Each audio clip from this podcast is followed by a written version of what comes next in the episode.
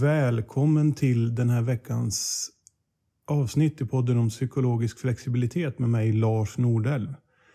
Den här veckan så tänker jag prata om ett beslutsträd som jag bland annat jobbar med i ACT. Och eh, vad kan man säga om det här beslutsträdet? Jo, att om du tänker dig att du har ett problem oavsett vad det är för problem. Det kan vara känslomässigt, tankemässigt, eh, påtagligt, eh, diffust, eh, konkret, okonkret, vad som helst. Du har ett problem i alla fall som gör att du på ena eller, eller andra sättet inte mår bra. Då så kan vi tänka oss att det finns olika vägar att gå beroende på själva typen av problem. Och därför så kallar man det för eh, form av eh, eh beslutsträd. Då. För det kan, finns olika förgreningar. Så det första som du behöver börja fundera på, det är Finns det en konkret orsak till det här problemet eller inte? Alltså finns det en konkret orsak. Och vad kan en konkret orsak vara? Ja, det är där du kan se att problemet kommer ifrån. Om du kan se det ganska konkret. Att, eh, ja, får du punka på bilen till exempel så är det ju ganska konkret att det är punkat som, som gör att du blir bestört och förbannad. Men det kan ju också vara så att eh, att problemet inte har en konkret orsak. Alltså, du vet inte. Du mår inte bra, men du vet inte varför. Och Om vi börjar då med att titta på om du har en konkret orsak. Så alltså först har du konstaterat att du har ett problem, det är det viktigaste. Sen så har du konstaterat att det finns en konkret orsak. Nästa steg då, som du ska fråga dig då, eller nästa fråga som du ska ställa dig. Går det här problemet att lösa? Eller går det inte att lösa? För om det går att lösa, till exempel med bildäcket då, ja men då är det ju bara att göra det. Så allt som går att lösa, lös det. Just do it. Bara lös det liksom. Gör upp en plan, fundera på olika lösningar, pröva en lösning och Eh, ser hur, hur resultatet blir. Nu är det ju så att ibland så vet vi orsaken till problemet. Det är konkret. Du vet orsaken till problemet. Men problemet går inte att lösa. Vad gör man då? Ja, jobbar man utifrån ACT som jag jobbar med, Acceptance and Commitment Therapy, så då är det viktigt att inte förneka situationen. Utan att vara villig att se situationen som den är. Att vara närvarande och se situationen som den är. Att nu har det sketit sig totalt. Jag har fått punka på bilen. Jag har ingen möjlighet att byta däck för jag har ingen reservdäck. Jag har ingen domkraft.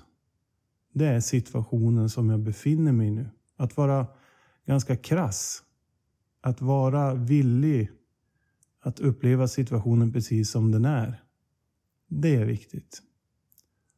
Och det är också viktigt att inte hamna i självkritik och fastna där. Att jag är så dålig, jag är så sämst, varför har jag ingen reservhjul, varför blir det alltid så här för mig?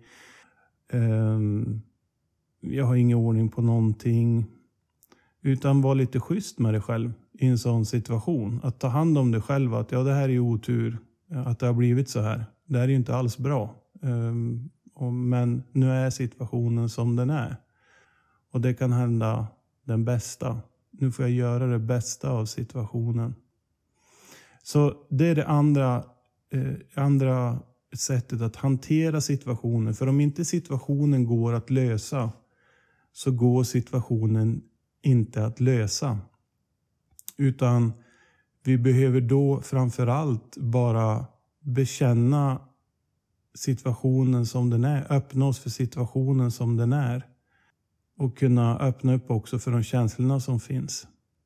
Alternativet som man kan ta till ibland på en situation när man befinner sig i en situation med ett problem som man vet orsaken till men som man inte kan lösa. Det är att man försöker lösa det ändå. Och det brukar faktiskt förvärra hela situationen. Och är det inte så att det förvärrar situationen så brukar det funka kortsiktigt att man löser det men det blir värre på lång sikt. Så då är det bättre att vara villig att se situationen som den är, inte som man vill att den ska vara. Och acceptera det faktum att, att det är som det är. Och därifrån välja vad man kan göra. Alltså vad kan, hur kan jag göra det bästa av situationen just nu? Sen, om vi backar då. Det här handlar ju alltså om saker när du vet en konkret orsak till problemet. Du har ett problem och så vet du den konkreta orsaken. Och så sen så tar du beslut huruvida det här går att lösa eller inte lösa. Men ibland så är det ju så att vi vet inte orsaken till varför vi inte mår bra. Vi har ingen aning. Vad kan vi göra då? Ja, det första det är att konstatera att vi inte vet orsaken. Jag vet inte orsaken till det här. Det andra man ska ställa sig då, det är, är det här framförallt eh, ett problem som handlar om mina tankar? Alltså, är det här tankar som jag sitter med nu som orsakar mitt lidande? Är det ohjälpsamma, oproduktiva tankar som jag sitter med, som plågar mig, som ger mig ett lidande? Eller är det så att med mina tankar är inte det största problemet just nu. Utan det är mina känslor som är det största problemet just nu. Det är de två sakerna då som man ska ställa sig frågan om. Alltså, först så konstaterar du att du inte mår bra. Du har ett problem. Du vet inte vad problemet är i det här fallet. Du vet inte orsaken alltså till problemet. Och sen så går du vidare med att ställa dig frågan, handlar det här om att jag är fast i jobbiga tankar? Eller är det här mest någonting som handlar om mina känslor? När du har konstaterat det så går du vidare. För är det så att det är mest dina tankar som håller på att spökar. Det är eh, din hjärna som har fått dig att komma ur balans. Då kan man jobba med någonting som heter diffusion. Kognitiv diffusion. Och det handlar om att kunna ta distans till sina tankar och se dem för vad de är. Snarare än att man hamnar på innehållsnivå och börjar analysera dem fram och tillbaka. För det brukar oftast inte vara hjälpsamt. Till exempel för en övertänkare. Lösningen för en övertänkare är sällan att tänka mer. Utan det förvärrar bara situationen. Och ett alternativ då, det är att kunna skapa distans till sina tankar. Att kunna se dem utifrån, att kunna se dem som inre fenomen. Så då jobbar man med depression. Och det finns olika tekniker för det där. Men om det nu inte handlar om tankar utan det är enbart känslor. Det vi kan göra då, det är att jobba på vår villighet att uppleva känslorna. Här handlar det mycket om villighet. För känslorna kan ju handla om olika saker som eh, vi eh, har. Det kan handla om hormonförändringar. Det kan handla om att vi har druckit för mycket kaffe. Eh, det kan handla om saker vi inte vet som startar våra känslor. Och samma där, om vi börjar agera på våra känslor så är risken att vi hamnar i en kortsiktighetsfälla. Vi kanske löser känslorna för stunden men på längre sikt så blir vi inte mer toleranta för att uppleva de här känslorna. Och de strategier vi har eller tar till för att bli av med dem, det blir också, Eh, bidrar också till ett ökat lidande. Och här handlar det alltså om att när vi upplever känslor och vi vet att vi kan inte lösa känslorna, för den frågan har vi ställt oss tidigare. Är det här någonting konkret jag kan lösa? Nej, det är det inte. Det finns ingen konkret orsak. Utan jag sitter med känslor. Jag sitter med jobbiga känslor. Då är det ju viktigt att vi har modet och villigheten att bara uppleva det som sker just nu.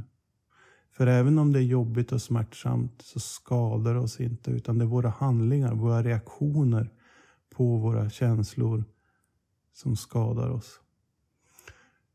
Så, så det är alltså det här beslutsträdet. Så, så, så enkelt så kan man då säga då, om jag ska eh, göra någon sammanfattning, att du ska, du ska först fundera på om du överhuvudtaget har ett problem. Och du säger till dig själv att ja, jag har ett problem, men jag vet inte vad det är. Nej, eller så vet du vad det är. Du vet den direkta orsaken till ditt problem. Då kan du antingen lösa problemet eller öppna upp för att situationen är som den är. Istället för att försöka lösa någonting som inte går att lösa. Men är det så att du inte vet orsaken till problemet så kan du titta på om det handlar om att du är fast i grubbel och ältande. Alltså du är uppe i huvudet. Det är dina tankar som ställer till det. Då kan du jobba med depression. Men är det så att det inte är riktigt dina tankar som håller på att spöka så mycket utan det handlar mest om dina känslor. Då kan det handla om att du behöver jobba med att vara mer öppen för dina känslor snarare än att försöka bara få bort dem hela tiden. Låta dem existera eftersom att alla känslor som kommer, de kommer också med tiden att gå. De skiftar, både det som är bra och dåligt. Jag hoppas att du har fått ut någonting av den här veckans avsnitt. Ehm, jag tänker att du får gärna besöka mig på mitt Instagramkonto på Nordelv. och komma med lite kloka tankar där om du har någonting du vill dela med dig av. Det är roligt när människor vill dela med sig så jag får lära mig mer om andra perspektiv. Du får kolla på bloggen och, och på min hemsida nordel.se. Mm, ja, så gör det. Och nu har jag också en e-bok som riktar sig mot par och visserligen, men det är kanske är något som intresserar, det kom, intresserar, intresserar dig som lyssnar. Eh, och det är hundra, eh, hundra sätt att eh, värna om eh, relationen i vardagen. Så den går att ladda ner där helt gratis på min hemsida under, vad står det nu, gratis e-böcker tror jag det står på fliken där. Så, men eh, då önskar jag dig en trevlig helg och eh, så syns vi nästa vecka.